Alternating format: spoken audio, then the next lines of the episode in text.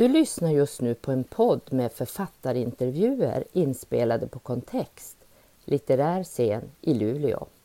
Kerstin Wixe ansvarar för podden och håller i samtalen.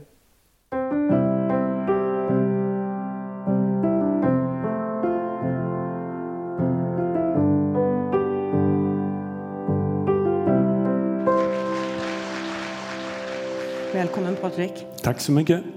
Är du en sån där som gillar ordvitsar? Normalt gör jag det, fast jag, jag ska erkänna att jag har redan hunnit bli lite trött på ålordvitsar. Folk som kommer fram och säger all right. Och säger Precis. ack, gå härifrån. Nej, men precis. Men, alltså, det hann jag faktiskt tänka när jag eh, läste den här boken för andra gången. Så tänkte jag, men herregud, så mycket ordvitsar man kan göra på den här boken. Ja. Och du är redan trött på dem. Har du hört det? Men då har du hört all in. Den har jag hört, ja. Och, eh, ibland vill folk ge bort boken i present och vill ha den signerad och så säger de kan du skriva all my love? Ja, Men det, ja. gör, det gör jag gärna. Men det, det är ju lite roligt. Ja. Men du, när du inte skriver om ålar då, eller håller på med ordvitsar, då, då var du i alla fall till vardags kulturjournalist på Sydsvenska Dagbladet. ja, Nu stämmer det- i Malmö. Nu är du tjänstledig. Ja. Vad skrev du där?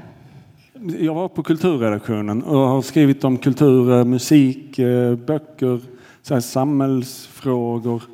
Men, men de senaste åren, redan innan jag började skriva boken, så märkte jag att jag skrev mer och mer om naturvetenskap också. Och, och, ehm, jag tror jag på något sätt har eh, börjat så här återknyta till mitt stora intresse som barn. För som barn var jag otroligt intresserad av djur och natur fåglar. Jag kunde alla, alla fåglar i världen och, och eh, fiskar också såklart.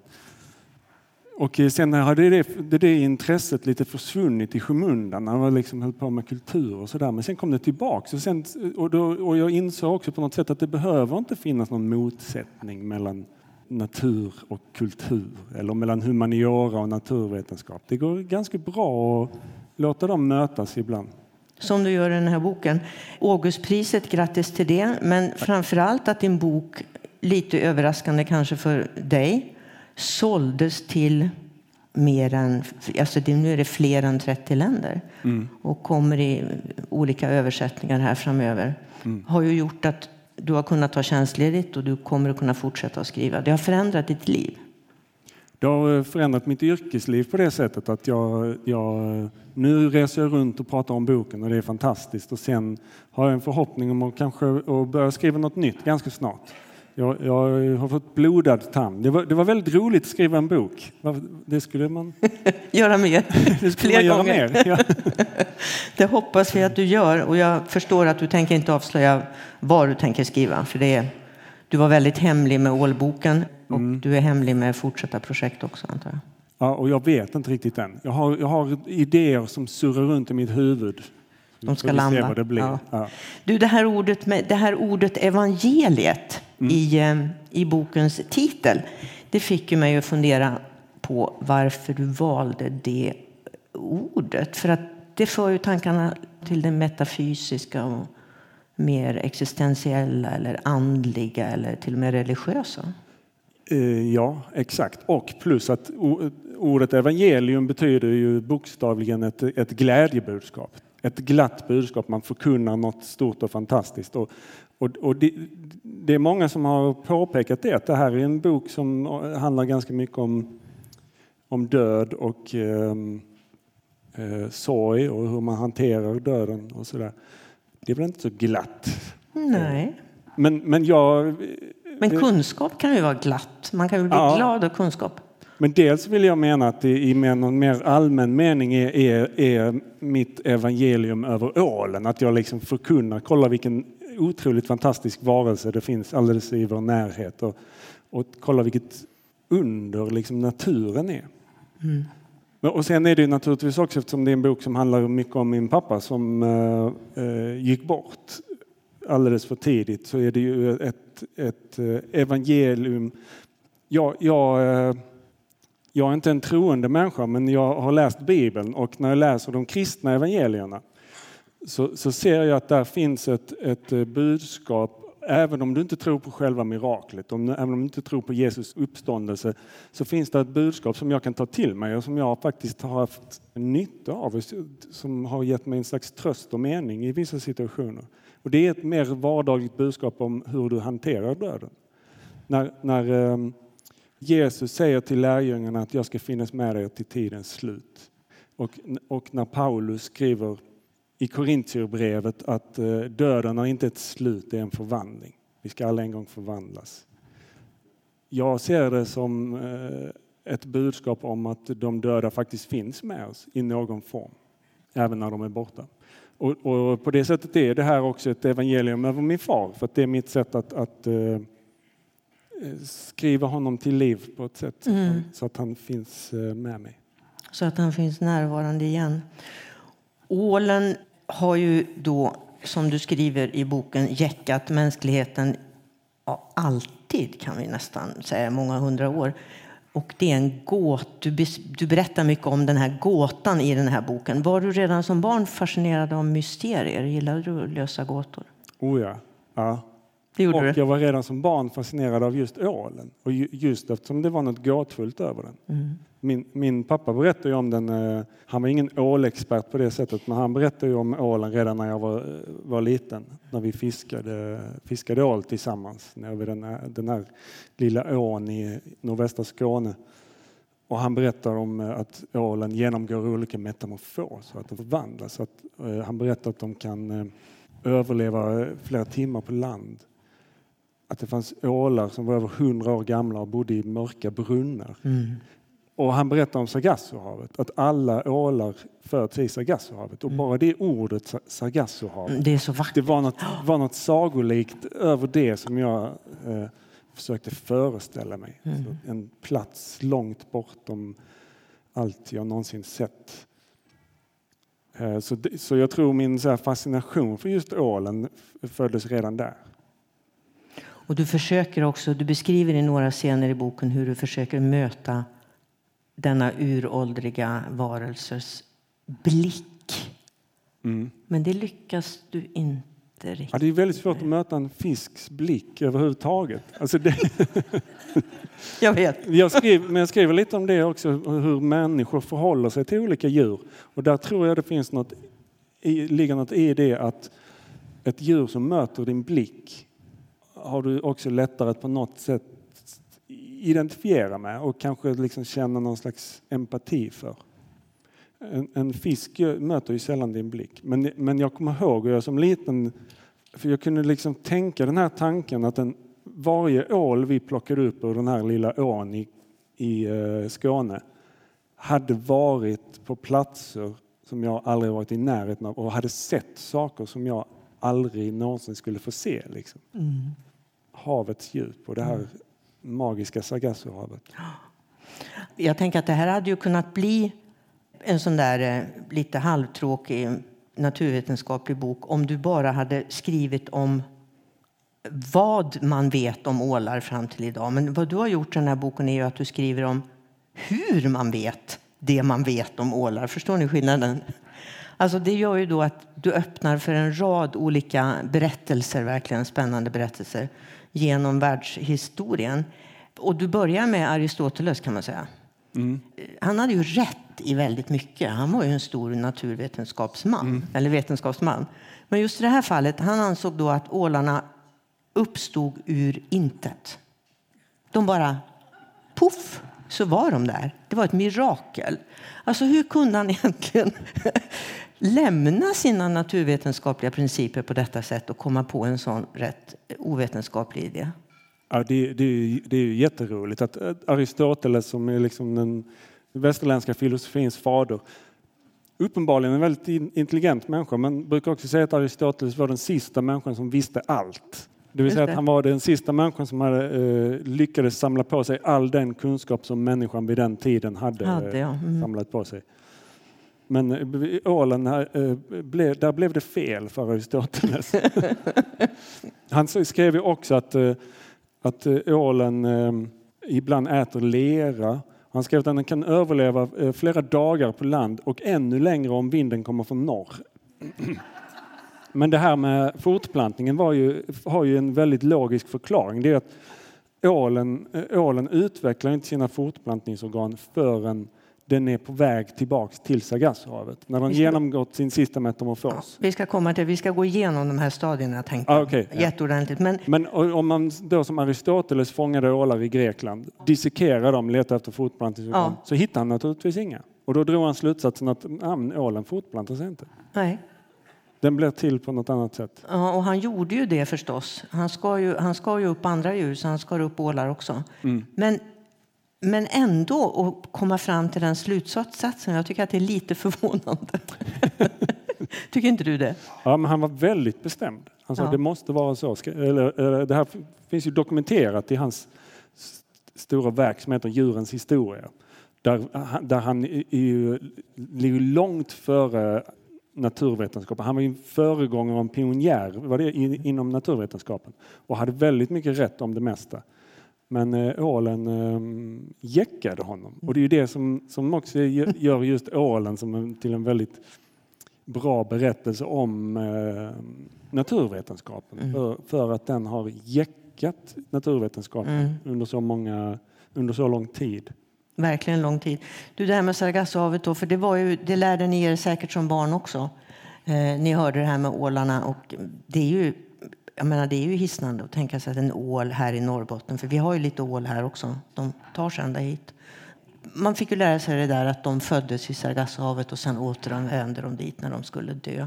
Men föreställde du dig var det låg? Jag kommer ihåg att jag tänkte bara att det låg på andra sidan jordklotet, fruktansvärt långt bort. Liksom.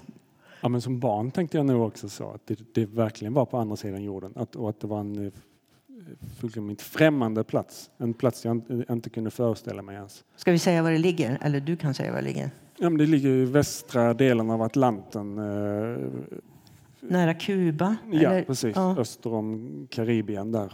Och lite åt det Det är ett ganska stort hav. Ja. Och det är ett speciellt hav också på det sättet att det har inga, inga direkta gränser.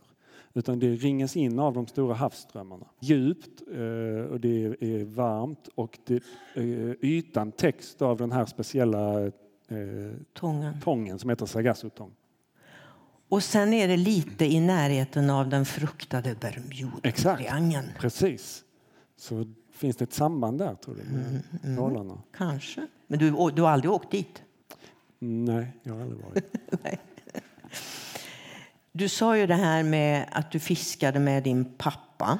Vi kanske också ska säga det att det finns ett, eh, en personlig, ett personligt mysterium, en personlig gåta i den här boken. Och den kommer vi inte avslöja ikväll. Din personliga gåta. För att ni ska ha någonting kvar, ni som inte har läst boken. Bara så ni vet. Men du fick dina första kunskaper om ålen från din pappa. Han fiskade med dig, men inte med dina systrar. Det var så du och din pappa umgicks.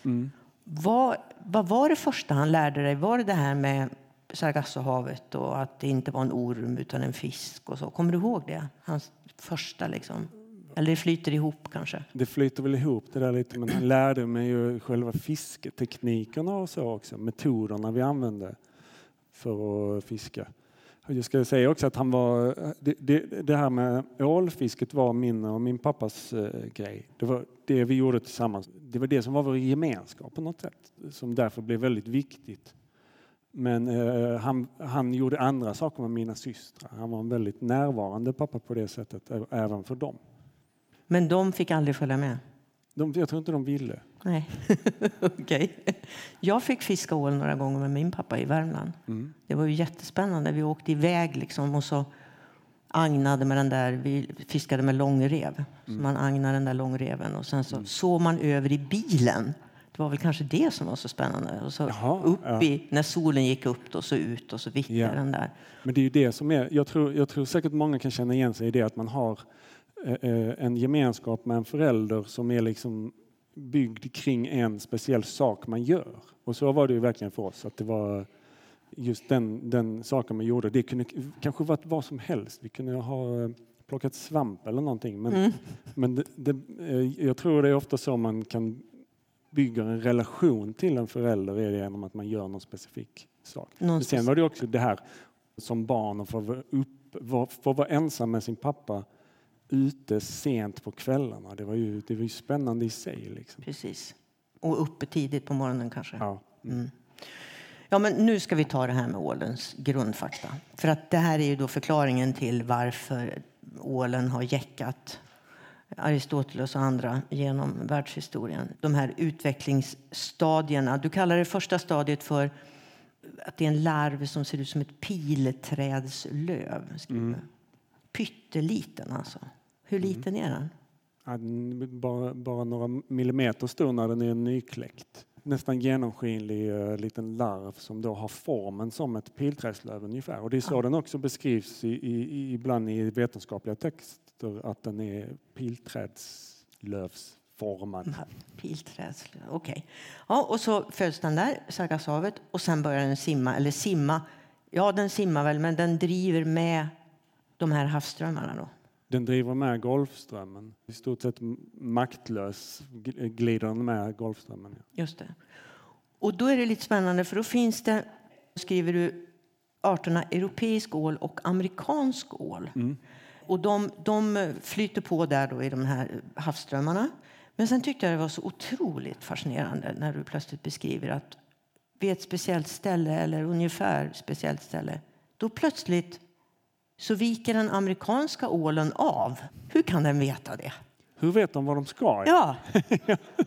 det är jättefascinerande och det, och det, det har även eh, forskarna fascinerats av. Vi kanske kommer att prata om honom sen, men den danske marinbiologen Johannes mm. Schmidt som var den som hittade ålens födelseplats i Sargassohavet. Han var också djupt förundrad av det och ställde verkligen den här frågan. Hur vet de var de ska? Och han kunde som, som, som vetenskapsman inte svara på det. Men eh, den amerikanska och den europeiska ålen ser i stort sett exakt likadan ut. Från början ja. Ja, ja även, även som ja. Eh, i alla sina stadier. De genomgår samma metamorfoser mm. och föds på i stort sett samma plats i Sargassohavet och, och glider maktlösa med Golfströmmen. Mm. Plötsligt piper de amerikanska ålarna västerut. Jättekonstigt.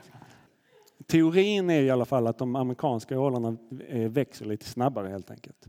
De blir, de blir större och starkare fortare och kan därför liksom lämna havsströmmen.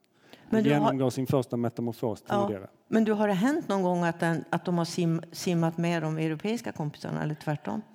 Det finns ju då, eh, har man ju upptäckt, att det finns en del, både amerikanska och eh, europeiska ålar som är lite utbrytare, lite mm. rebeller mm. och som, som hamnar runt Island. Okej. Runt Island? Ja, och har någon slags egen enklav där, där de uh, umgås över artgränserna. Otroligt spännande. Ja. ja. Lite, för, lite hoppingivande ja. till och med. Vad trevligt. Du, eh, sen tar den, alltså det tar några år innan, nu tar vi de europeiska då, innan de kommer hit till mm. Europa. Mm. Två, tre år. Två, tre år. Och då har han växt och, då, mm. och blivit en, det är stadie två, en glasål. Ja. Och då lever de farligt när de kommer till kusten här, för då är det många som vill fiska dem.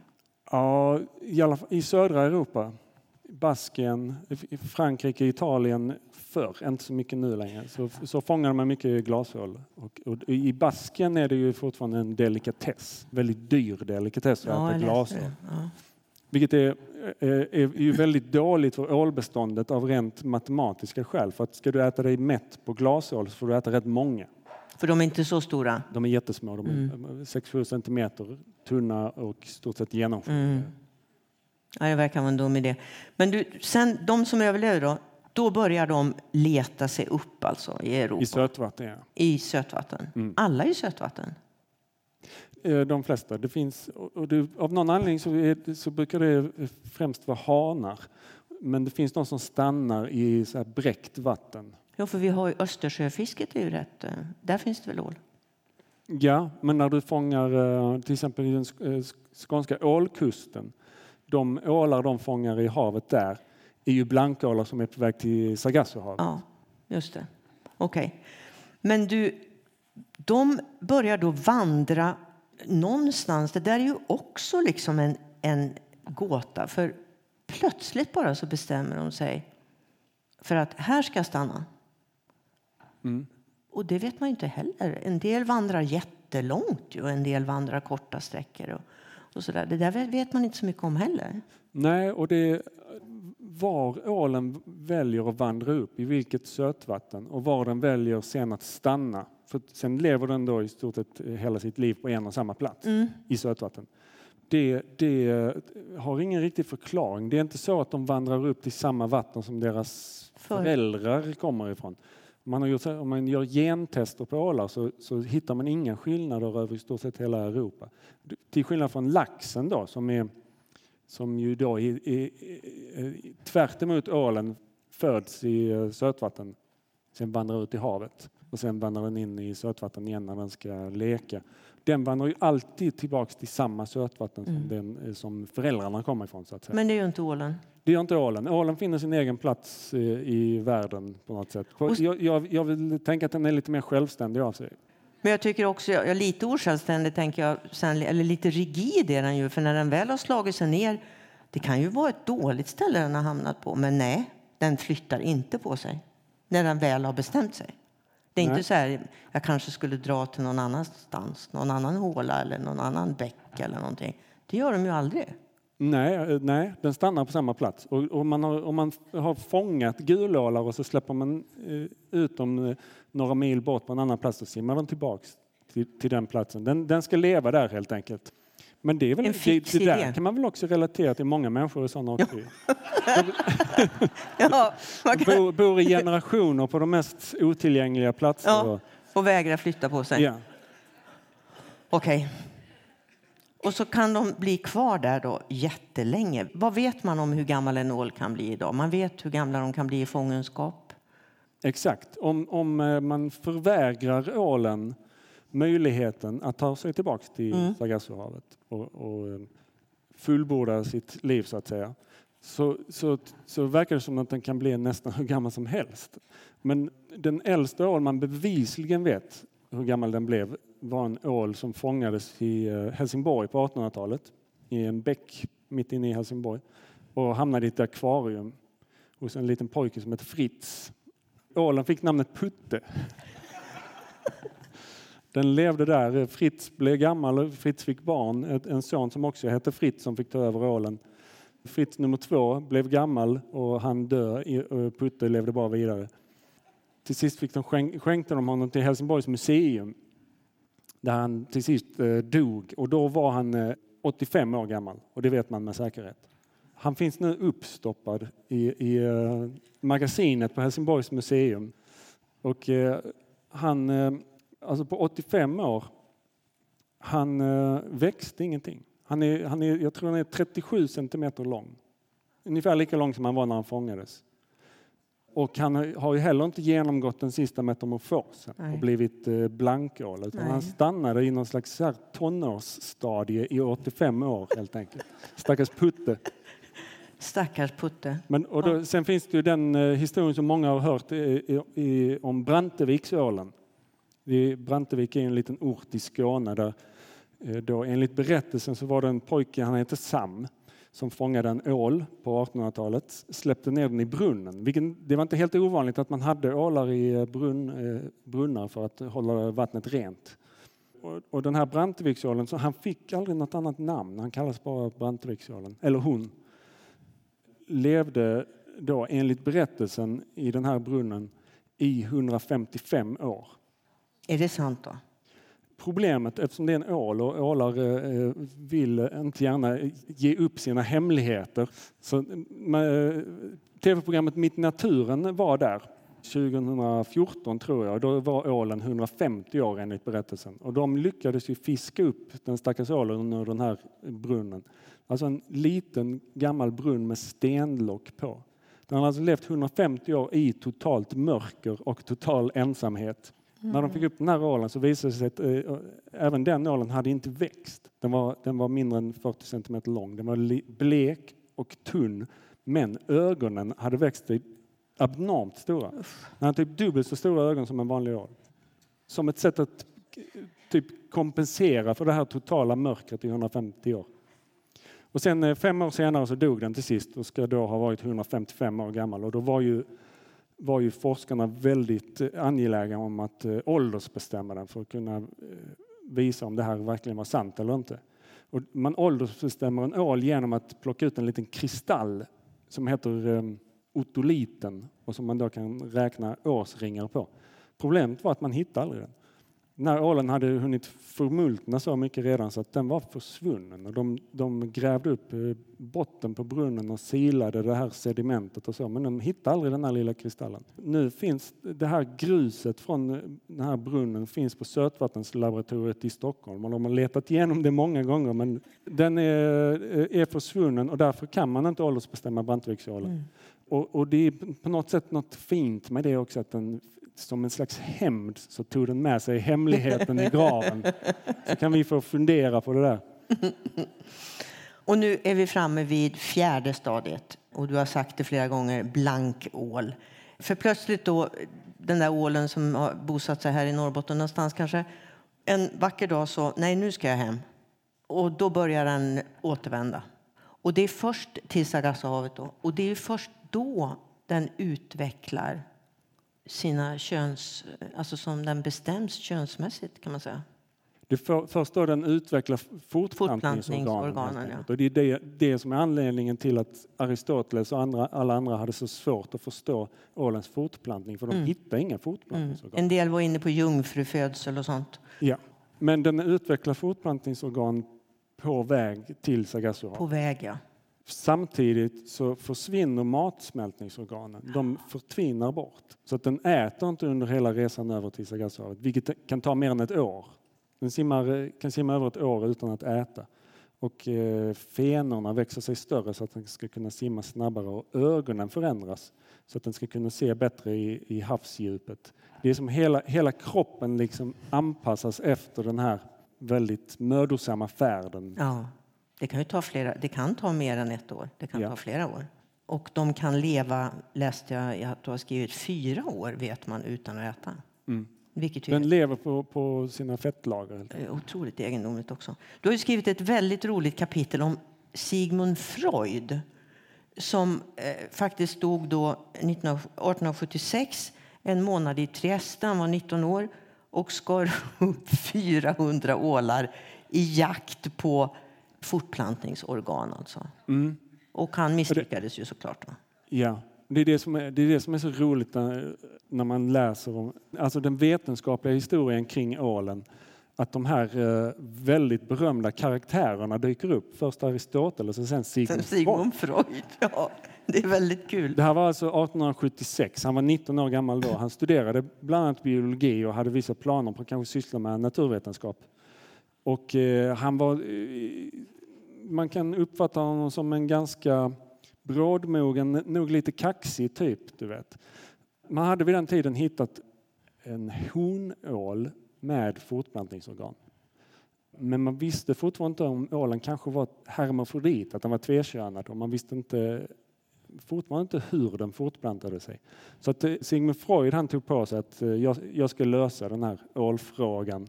Jag ska hitta ålens testikel helt enkelt. Han skulle hitta en hanål för att bevisa att det fanns både hanar och honor.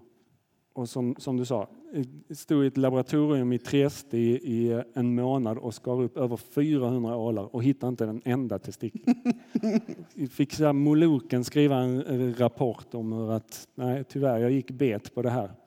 Och det, det är något väldigt roligt med det också att eh, mannen som eh, grävde sig djupare in i det mänskliga psyket än någon annan innan honom och som har format väldigt mycket vår bild på människans eh, sexualitet och sexuella utveckling. Han började alltså sin karriär med att försöka begripa en åls sexualitet Precis. och misslyckades. Ja. Så då vände han sig istället till Han vände sig till människan för att det var, det var väl enklare. Helt ja, du skriver ju väldigt roligt där. Alltså det fanns ju i början i den här månaden när han inte hade skurit upp så många ålar. Då tyckte han att alla flickor i Trieste var fruktansvärt vackra. I slutet av den här månaden så, så tyckte han att de var bäst liknande. Det är också väldigt roligt. Ja, först skriver han om, när han kommer till Trieste, han skrev, eh, skrev brev till en barndomskompis. De skrev av någon anledning på spanska. Så att, eh, men, eh, det första han skriver är att alla, alla kvinnorna i, i uh, Trieste är uh, bästar. Han kallar dem för bästar och det är ett sätt att beskriva att de är väldigt vackra. Mm. De är mycket vackra bästar, skriver han. Och han skriver väldigt mycket om kvinnorna. Han är, verkar otroligt upptagen av det i början. Men sen så när han blir mer upptagen av sitt arbete och det här tröstlösa grävandet i döda ålar efter en åltestikel och utan att hitta den.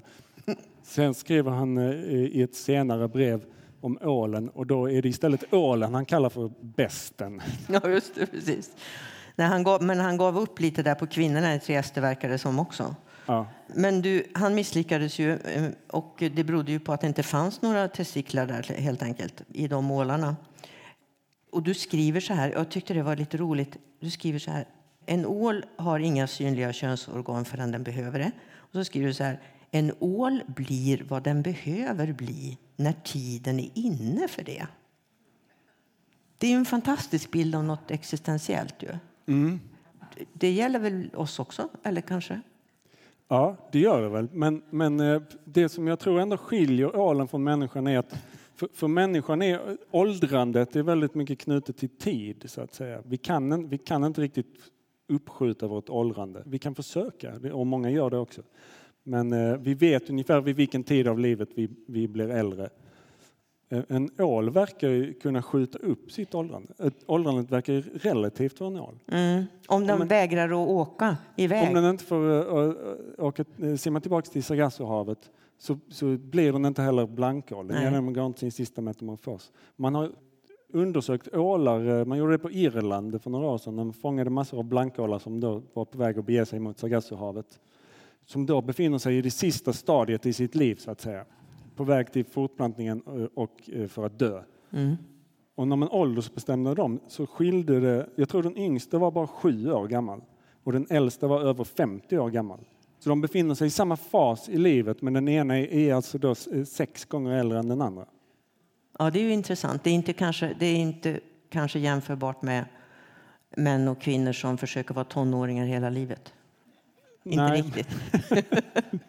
Fast lite samma sak. Vi ska säga att eh, för Freuds del, han fick då vänta 20 år, tog det sen, så då är vi framme 1896 innan man hittade den första ålen med synliga testiklar. Och det, det betyder väl att det var egentligen först då man slog fast att ålen var en fisk? Eh, nej, det var Eller? först då man kunde slå fast att den fortplantar sig som andra eh, fiskar. fiskar. Ja. Men man hade hela tiden tänkt att den var en fisk även tidigare? Nej, vetenskapen visste att den var en fisk. Mm. Men, men, det, men, det, men, många människor, det kan du höra fortfarande idag, folk som undrar, är ålen en fisk? Eller en orm? Ja, eller en eller en, amfibie eller något. Ja, just det. Det är en fisk. Det är en fisk. Du, nu är vi framme vid Johannes Schmidt, alltså den här danska biologen, alltså som hade en uthållighet av ett alldeles speciellt slag. Alltså jag blev alldeles matt när jag läste om honom. Mm. Alltså han löste ju en, en stor del av ålfrågan kan man säga. Han kajkade runt på haven i 20 år och trålade efter de här larverna som mm. vi pratade om förut, de här pilträdslarverna. Med andra ord, var är ursprunget? Han gav sig mm. iväg 1904 och så höll han på i 20 år med lite avbrott för, från första världskriget. Mm. Han sökte sig då liksom tillbaka. Alltså han fångade mindre och mindre larver. Mm. Och så, ja. Ja, han hade en metod. Alltså det, det här, I början på 1900-talet visste man till sist att eh, ålen hade könsskillnader, att de fortplantar sig som eh, andra djur gör. Men man visste inte var det skedde. Nej. Det enda man visste var att ålen beger sig ut i havet. Att det sker någonstans i havet. Och då hade den danske marinbiologen Johannes Schmidt, han bestämde sig för att han skulle hitta ålens födelseplats. Och, eh, han var en väldigt ung, eh, begåvad marinbiolog. Hade han hade precis gift sig med dottern till chefen för Carlsbergs bryggeri ah, i Köpenhamn. Då hade han pengar? Hade pengar också. Ett väldigt bekvämt liv hade han kunnat ha om han velat. De hade precis, han och hans eh, fru hade precis flyttat in i en fin lägenhet på Västerbrogade i Köpenhamn. Men då, då bestämde han sig för att nu ska jag hitta ålens födelseplats. Så, och gav sig iväg. Och hade en metod då som gick ut på att han fångade de här eh, små larverna som heter leptocephaluslarver som är ålens första stadie och, och mätte dem. Och tanken var då där de är som minst är de också nykläckta och det är där ålen föds. Och problemet med det var att de här larverna är väldigt små. Atlanten är väldigt stor. Så han seglade först runt i sju år ut med Europas kuster. Var uppe vid Färöarna, var hela vägen ner till Nordafrika och in i Medelhavet. Och hittade massor med de här larverna men de var, de var ganska stora, de var uppenbarligen inte nykläckta. Så efter sju år förstod han att han måste bege sig eh, västerut, mm. längre ut på havet. Han fick hjälp av eh, fraktfartyg som seglade över Atlanten som fångade de här larverna till honom och skickade dem till honom. Han stötte på problem som du sa när första världskriget bröt ut och flera av de här fraktfartygen som hjälpte honom blev sänkta av minor. Och det var livsfarligt att segla runt och leta efter ålarver på Atlanten. Men till sist, efter, efter 18 år, kom han till en plats där, eh, där de bara var någon millimeter ja. stora och uppenbarligen nykläckta. Och då, och då kunde han säga att det är här det sker. Det här, det är här ålen föds och det var i Sargassohavet. Och eh, han skrev en eh, banbrytande rapport. Han kunde säga sig ha löst den här gåtan efter 18 år på Atlanten och, och några år senare dog han av influensa. Men ja, han var klar då helt enkelt. Då var han färdig, ungefär som ålen. Men, men alltså, kan du, alltså, hur levde karln? Alltså, kan du förstå hans uthållighet? Åkte han hem ibland och sådär? Ja, det gjorde han ju också. Ja. ja. Men eh, det, jag, jag, tycker den historien är så bra för, för att den också säger någonting om väldigt gammal mänsklig drivkraft som, som också har varit drivkraften bakom vetenskapen. Att det här behovet av att förstå och att kunna beskriva världen och att beskriva livet eh, omkring oss. Att den är så otroligt stark att den kan få en, eh, en eh, man att, en människa att försaka ett väldigt bekvämt rikemansliv i Köpenhamn och istället segla runt på Atlanten och leta efter ålarver i 18 år. Alltså jag, blev, jag blev lite matt när jag läste om honom faktiskt. Alltså den här eh, uthålligheten. Då. Hade kanske din pappa någonting eh, av hans uthållighet fast på ett annat sätt? För han var en outtröttlig fiskare. Ja. Nej, han tyckte ju väldigt mycket om att fiska. Det var ju...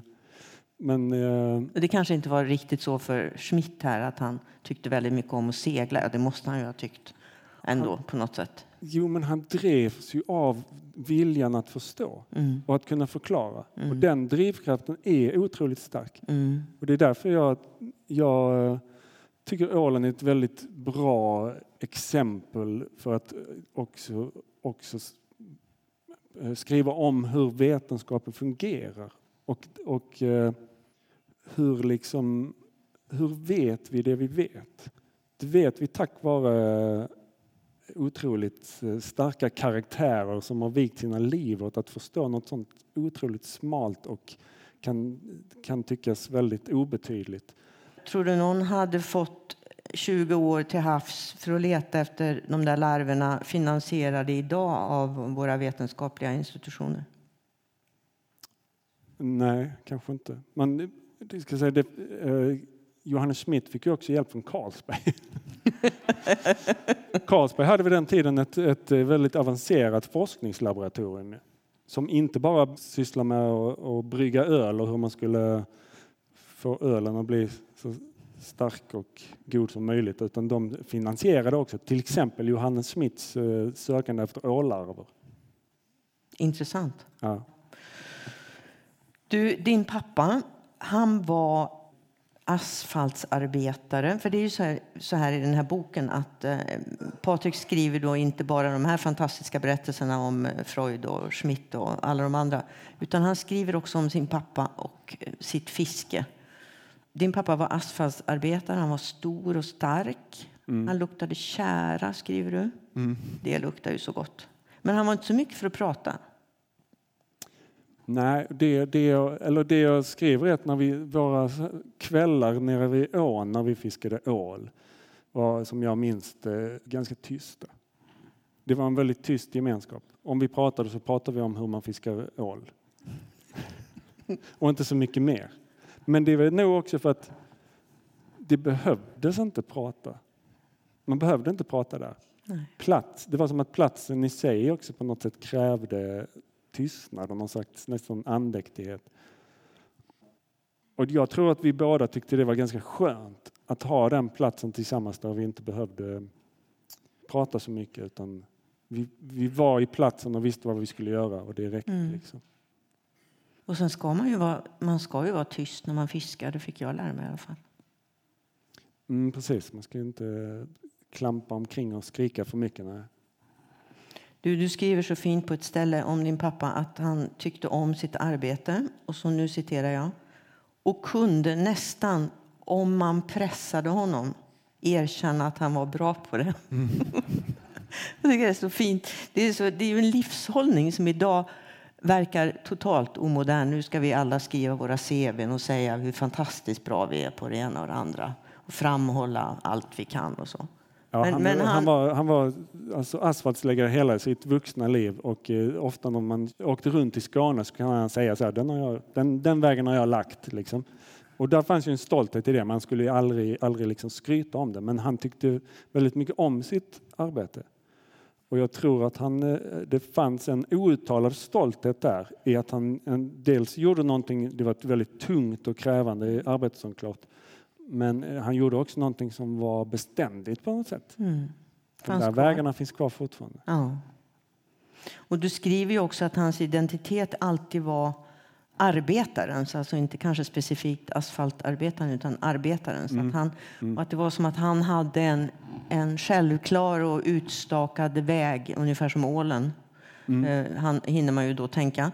eh, Som inte gick att rubba och kanske inte skulle rubbas. Men du rubbade ju den vägen. Du gick ju inte samma väg som, som, som han gjorde. Vad fick Nej. det för konsekvenser? Då?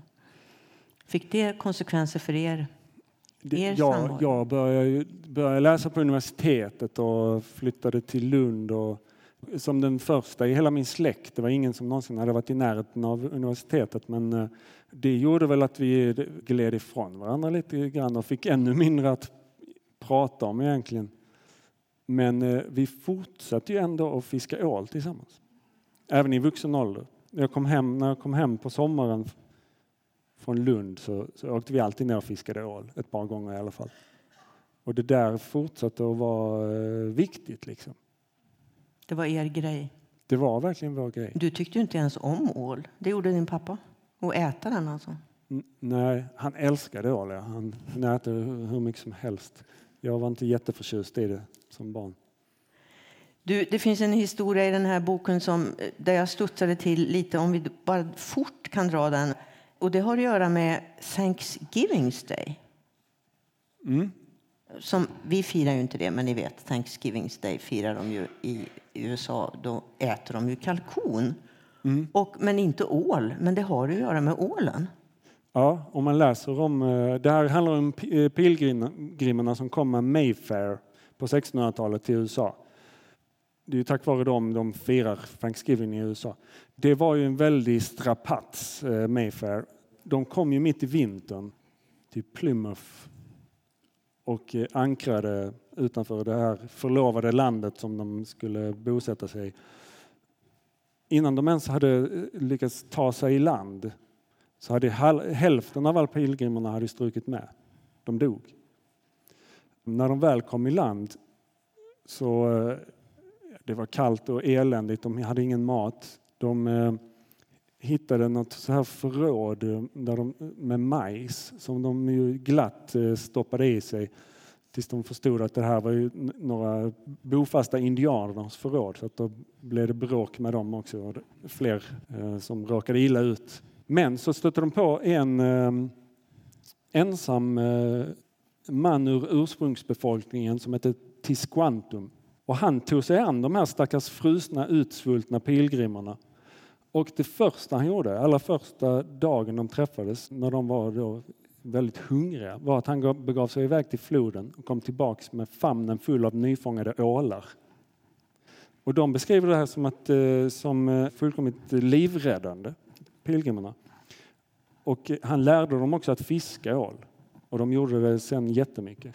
Ett år senare så firar de då den första Thanksgiving-måltiden som sen har blivit en väldigt viktig tradition i eh, USA. Ju. Men man äter alltså kalkon. Mm. De borde ju äta ål. såklart. Ja. Men tror du... Och Tror, ålen borde ha en, ha, en, ha en närmast mytologisk gestalt i, i USA men istället är kalkoner och bufflar och hästar.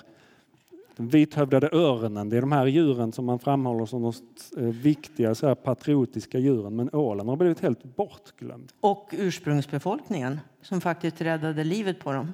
Ja. För att inte tala om dem. Tror du att eh, amerikaner känner, vet om det här med ålarna? Jag tror att många inte alls eh, känner till det. Det blir spännande att se när din bok kommer ut där om, det, om du får någon reaktion på det. Ja, Ja. Du, eh, ålfrågan idag, för den fortsätter ju. Ålfrågan fortsätter. Nu är den ju rätt sorglig kan vi väl slå fast. Beståndet har minskat med 95 procent på 40 år. Och det är högst troligt att den kommer att dö ut under vår livstid. det är mycket möjligt. Ja. Mycket möjligt, ja. Varför dör den då? Vi vet inte riktigt, men det är vårt fel. Kan man sammanfatta det så? Så kan man kort säga. Ja. Dels, ehm, som sagt, alltså beståndet har minskat, minskat med minst 95 procent eh, på, sen slutet på 70-talet. Det är en otroligt snabb och väldigt drastisk eh, minskning. Det fanns det förvisso väldigt mycket ål på 70-talet, så det är från väldigt höga nivåer. Men takten på minskningen är ju jätte, jätte drastisk. Och vi kan ju inte odla dem i, vi kan ju inte odla dem i fångenskap. Det går ju inte. Nej, det är ett, så här, ett praktiskt problem med, att rädda ålen är att den vägrar ju fortplanta sig i fångenskap. Den f- kan bara fortplanta sig i, i, i det vilda i Sargassohavet. Ett annat problem, eftersom det är ålen det handlar om, som, som inte gärna ger upp sina hemligheter så lätt. Så, så har man också Kontextpodden att produceras med stöd av Region. Norrbotten och i samarbete eh, med Kontext, heter- litterär heter här, scen eh, i Luleå. Författarscenen drivs med hjälp av Statens och kulturråd alla och Luleå arter, kommun. Livskraftiga arter är.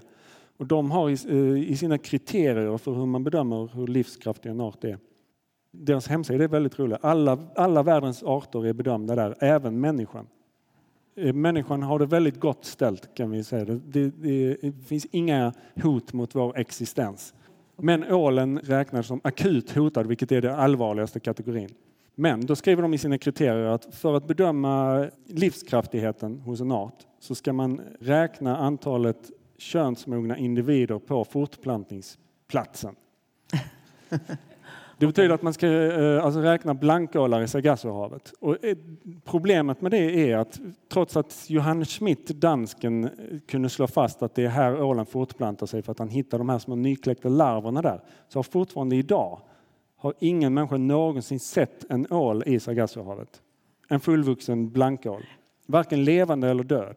De försvinner bokstavligen ner i havets djup och från människans åsyn helt och hållet. Så man kan inte räkna blankålar i eh, Sargassohavet, men då har man istället eh, valt att man räknar an- eh, hur många glasålar som kommer till Europas kust istället. Och där har beståndet minskat med mindre än, mer än 95 procent. Och vad är problemet? Ja? Det är det forskarna säger. Det kan sammanfattas så här. Om ålen ska ha en chans så måste människans påverkan på den minimeras så långt det är möjligt. Att ålen dör av Eh, sjukdomar som sprids på grund av att eh, människan eh, import och export. Den dör av miljögifter, den dör av fiske såklart, den dör av vattenkraftverken eftersom de här turbinerna, den kan inte vandra förbi dem utan de dör i mängder där.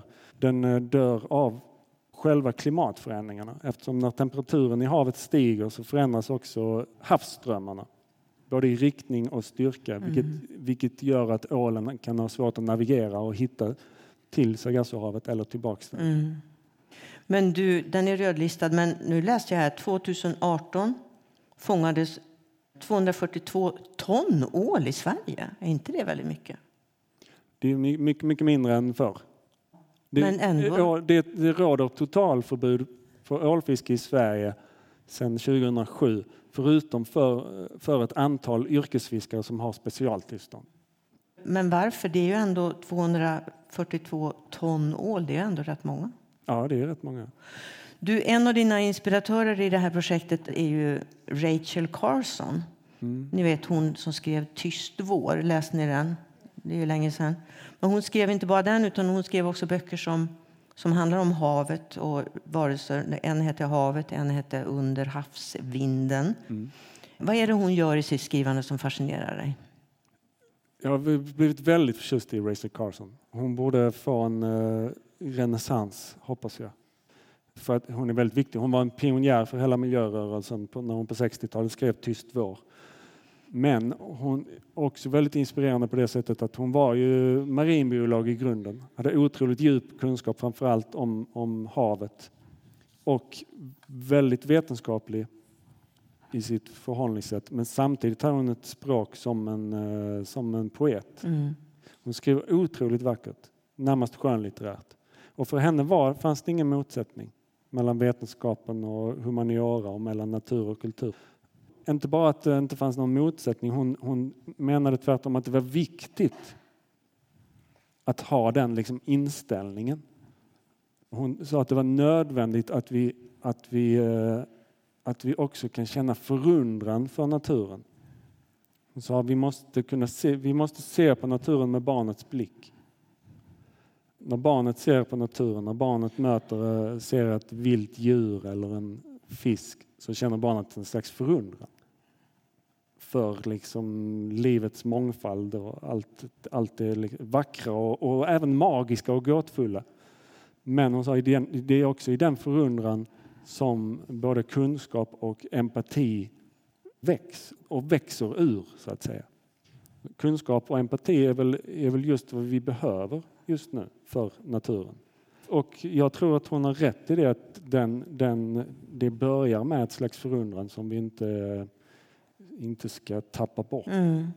Men det var väl just hennes sätt att skriva var ju också, och det är så intressant att läsa om det, att, att det var väldigt provocerande för vissa på sin tid. Hon anklagades för att förmänskliga fiskarna eller jämföra dem med de högstående människornas tillvaro. Och så där. Hon fick ju kritik för det. Och då tänkte jag på det för att hyllningarna för din bok de är ju i stort sett unisona. Men så trillade jag över en artikel i nättidskrift som heter Kvartal av en ålforskare som heter Henrik Svedäng. Och, har du läst den artikeln? Jag har inte hört talas om. Jo, det har jag. Jo, det har. jo, jag tror att du har läst den. Jag, Nej, tror, han, jag tror inte han är ålforskare. Jo, jag tror han är, han är, jo, han är ålforskare. Marinbiolog. Ja, hur som helst. Men jag tyckte det var så intressant för att hans reaktion på din bok den är väldigt lik den här reaktionen som Rachel Carson fick på sin tid för sin mm. bok när hon, man tyckte att hon mystifierade det här som hon skrev om. Mm. Han kallar det barnsligt, till exempel. Har du någon förståelse för hans invändningar? Alltså, förstår du vad det är som provocerar honom? Ja, men det är, det är, det är liksom vetenskapssynen som provocerar honom, äh, tror jag. Jag har inte, det var, jag, han tycker att du mystifierar åren. Ja, ja precis. Ja, precis. Mm.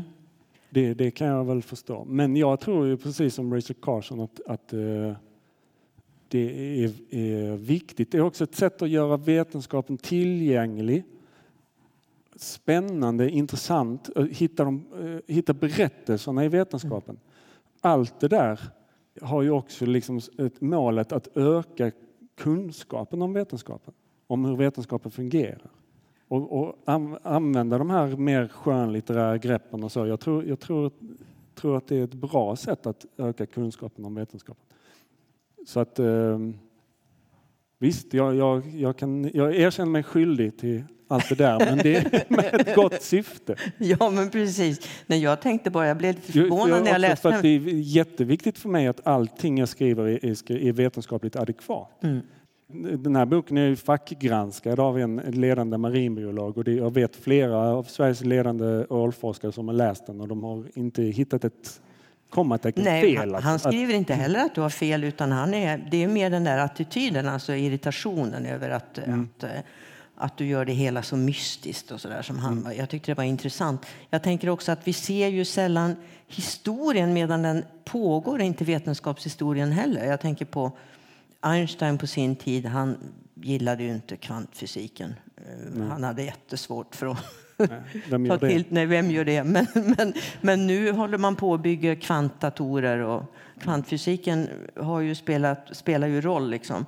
Tror du att vi lever i en motsvarande brytningstid när det gäller vår biologiska omvärld? Alltså jag tänker att ju mer kunskap vi får om vår biologiska omvärld, och det får vi ju idag i rasande takt, kommer inte det att tvinga oss att se på tillvaron på ett helt annat, på ett helt annat sätt? Jag tror det och hoppas det. Och det, är ju fullkomligt nödvändigt och det är också fullkomligt akut på det sättet. Och jag tror också att det är, alltså intresset för, för min bok har väl också med det här att göra att allting är hotat. Inte bara ålen utan eh, väldigt många arter och naturen i, i sig själv är, är hotad. Och eh, jag, är också, jag vill använda ålen som ett exempel för att visa på något större som sker också. Forskare idag pratar på allvar om att vi är inne i det man kallar det sjätte massutdöendet. Vilket är ett eh, väldigt obehagligt ord. Massutdöende det är liksom när väldigt många arter försvinner från jorden på, på relativt kort tid. Och då, räknar, då har man i så fossillagen har man hittat spår efter fem tidigare massutdöenden. Och det sista och femte av dem var ju för 66 miljoner år sedan när alla, alla dinosaurier dog ut. Inte bara dinosaurier, sjut- runt 75 procent av alla arter på jorden försvann under relativt kort tid. Det här var väldigt långt innan människan satte sin fot på jorden. Och nu, och nu säger allt fler forskare att, att, att det sjätte massutdöendet är här. Det händer igen. Det finns forskare som säger att är det- antalet arter på jorden kan vara halverat om bara 100 år. Och det är, nu är det inga meteorer eller meteoriter. Nej, nu är, det, nu är det människan som är problemet och det är det som också gör det sjätte massutdöendet unikt. Är att för första gången är det en ensam art som, som ställer till det för alla andra. Och eh, det är viktigt det är viktigt att vi eh, förhåller oss till det här och förhåller oss till konsekvenserna av det. Vad betyder det om, om eh, hälften av alla arter är försvunna om hundra år? Hur, hur ser världen ut? Och då tror jag att vi också måste börja tänka på det lite mer filosofiskt. Det finns ju sen, eh, jag tror människan väldigt länge har haft eh, den här inställningen till naturen att naturen får sitt värde i mötet med människan. Om, den, om naturen inte är till nytta för oss så har den ingen mening heller. Den kan inte finnas till bara för sig själv. En djurart får sin mening i hur, vad den har för relation till människan. Och det är väl ett, ett, ett tankesätt som, som vi nog bör, behöver göra upp med. Och, eh, Förändra. Ja. Men tycker du att den... För jag menar, om vi skulle börja tänka på ett annat sätt, att varje art på jorden hade eh, ett berättigande i sig. Alltså ni kan ju leka med den tanken vad det skulle få för konsekvenser för vår tillvaro. Det skulle ju, det skulle ju kräva att vi byggde om ja, hela vårt sätt att leva egentligen. ja, absolut. Det Men tycker du att den tanken vinner lite mark i, i, idag eller är den fortfarande oerhört främmande för oss? Jag tycker eh, eh, att den vinner mark och att det, det har ändå hänt väldigt mycket på kort tid. Framförallt att medvetenheten om det här problemet och, och vad konsekvenserna av det i förlängningen är har ju ökat väldigt mycket på, på kort tid. Men det finns ju, finns ju kvar fortfarande de, de eh, ål, ålfiskarna som finns kvar i Sverige, framförallt på ålkusten i Skåne. De eh, värnar ju ålen på sitt sätt. De eh, vill att ålen ska finnas kvar för att det- är också traditioner och ett kulturarv knutet till ålfisket som är viktigt och sådär. Men de säger ju, och jag citerar det i boken, ordagrant så här att om vi inte fortsätter att jaga och äta ålen så kommer inga människor heller intressera sig för den och då finns den inte längre. Det är ett väldigt Ja, tydligt exempel på just det, det tankesättet jag pratar om. Att, att eh, om vi inte äter upp den så, Så finns, den inte ens. Nej. Då har den förlorat all mening som varelse. Liksom. De har inte riktigt tänkt så. Eh, där har inte den här tanken vi pratade om vunnit så stor mark bland ålfiskarna i Skåne. Du, ålen har ju funnits mycket, mycket längre än människan. Det sägs då att den är 40 miljoner år gammal. Hur kan man veta det egentligen? Det, det ser man i fossillagren så att säga. Okej, Ja. där hittar man Kan man säga att i ungefär 40 miljoner år har det funnits ålar. Du, då tänkte jag så här att en så gammal livsform den kan ju verkligen utmana fantasin. Man kan ju leka med tanken att en livscykel då för 40 miljoner år sedan kanske var konstruerad på ett annat sätt än nu. Jag tänker på till exempel det här med att dö. Det kanske var för ålen, eller det är ju för ålen, att återvända till sitt ursprung. Det är liksom döden. Och så tänkte jag att vi kanske också har någon liten rest av det kvar. Jag menar, det är ju rätt vanligt att människor, när man blir äldre så är det många som vill återvända till, ja men ni vet, alla ni som vill flytta hem till Tornedalen eller den gamla gården. Alltså, det finns ju någonting där. Ja, jag tycker den ålens, det här behovet alla ålar har att återvända till Sargassohavet, till sitt ursprung, är någonting jag kan relatera till och som jag tror fler kan relatera till. Att någon gång i, i livet, vi- du vet, man växer upp, man frigör sig från sitt, sin bakgrund och sitt ursprung, man försöker hitta sin plats i livet och sen vid något tillfälle så kommer det här behovet av att återvända. Och det behöver inte vara bokstavligen att man flyttar tillbaks, men, men det kan bara också vara någon slags tankarbete att man försöker förstå var man kommer ifrån och återvända till sitt ursprung i, i den meningen. Och så var det väldigt mycket för mig och det, den, den processen började väl egentligen efter att min, eh, min pappa dog. Där det plötsligt blev viktigare att förstå var jag kom ifrån och alltså vem han var och varför jag blev den jag var. Och då, och då upptäckte jag att det, det, mitt ursprung var ju där nere vid den här lilla ån i nordvästra Skåne. Bland Det var mitt. Sargassohav liksom. Det var ditt Sargassohav, ja. Ja. Du, det finns ju en stark symbolik också i det här att vara tvungen att dö när man har gett liv. Alltså som ålen då, när den kommer tillbaka till Sargassohavet. Och så dör den ju då där. När, eh, jag, menar, det, jag tänker att det- är ju inte bara ålen som har det så i naturen. Det finns andra åttarmade bläckfisken och sådär som dör när de har fått sina ägg. Ja. Livskraftiga. Vad är det där för symbolik egentligen? Hur tänker du på den? När jag har Det skapat liv ja. så måste jag dö. Alltså det tråkiga svaret är väl att, att eh, på något sätt eh, livscykeln är komplett, att den är fulländad. Och, och att, att målet, själva livsmålet för en ål är att återvända till Sargassohavet och fortplanta sig. Och när den gjort det så kan den dö. Men ingen har ju någonsin sett en ål i Sargassohavet. Inte heller en död ål. De kanske, de kanske bara lever vidare där nere i djupet. Vet. Är Där det bara vi som har hittat på att de dör? miljontals ålar som är flera tusen år gamla. Ah. Som har det skitgött och lever pensionärsliv. Ja, det är en spännande tanke. Eh, Du, det är ju mycket vi inte har hunnit prata om här. Till exempel, kanske inte ni som sitter här i publiken, men det är ju många som... Jag menar, I kulturer och i filmer och böcker och sånt där så är ju ålen verkligen så här monstret och det andra och äter lik och det finns, de växer sig feta vid fartygskatastrofer och så där äckliga och så. Ofta så här i böcker och filmer att de, får- att de symboliserar något undermedvetet också. Något, det, här, det här är det obehagliga och lite hemliga som vi vet finns där under ytan men vi tycker att det ska hålla sig under ytan. Kanske något sexuellt till och med. Absolut. Freud var inne på man kan ju inte komma ifrån eh, den här eh, fallosliknande uppsynen hos en ål. Precis. Men du, tror, du att du, tror du att du kommer att få se en levande blankål, kanske filmad av någon sån där naturfilms eh, ubåt eller något sånt där innan du dör? I Sargassohavet. Tror Jag tror, jag tror faktiskt att det är mycket möjligt att de kommer att hitta en eh, blankål i Sargassohavet. Det finns, den japanska ålen är väldigt lik den europeiska, ser likadan ut, genomgår samma metamorfoser men den fortplantar sig då i eh, Stilla havet utanför ögruppen Marianerna. Mm.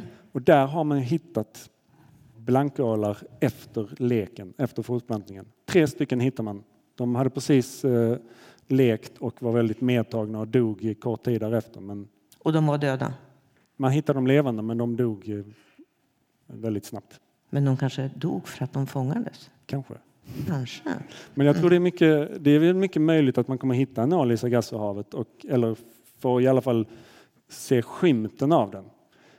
Och, och eh, jag, jag, jag, tror på vetenskapen och, och, tror på vetenskapens metoder och tycker att vetenskapliga framsteg är något positivt. Men just vad det gäller den saken. Du vill inte egentligen? Vill, en liten del av mig vill inte att de ska nej, hitta den. Nej. För den där, det där, den där gåtan, det, den är också viktig att den finns kvar. Vi, det, jag citerar eh, den brittiska författaren Graham Swift i boken som skrev specifikt om ålen faktiskt, men skriver att en värld där allting är upplyst är en värld redo att gå under. Vi ska inte riktigt veta allt. Och det är också viktigt att det, inte finns saker vi, att det finns saker vi inte vet, för att det är också själva förutsättningen för den här drivkraften jag pratade om innan. Drivkraften att förstå världen och förklara den, den behöver äh, återstående gåtor. Jag älskar sånt som man inte vet. Mm. Och det kommer ni också göra. Men ni, nu, nu ska ni läsa Patriks bok. Han signerar snart. Och då kommer ni att veta, då kommer ni i alla fall få veta hur vi vet det vi vet. Och det är ju faktiskt otroligt spännande. Tack för att du kom Patrik. Tack. Tack så mycket. Tack.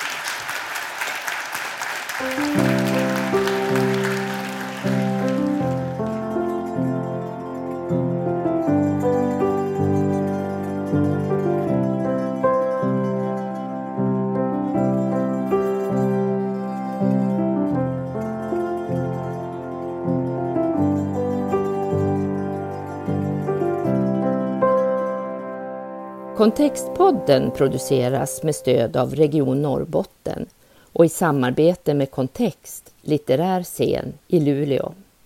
Författarscenen drivs med hjälp av Statens kulturråd och Luleå kommun.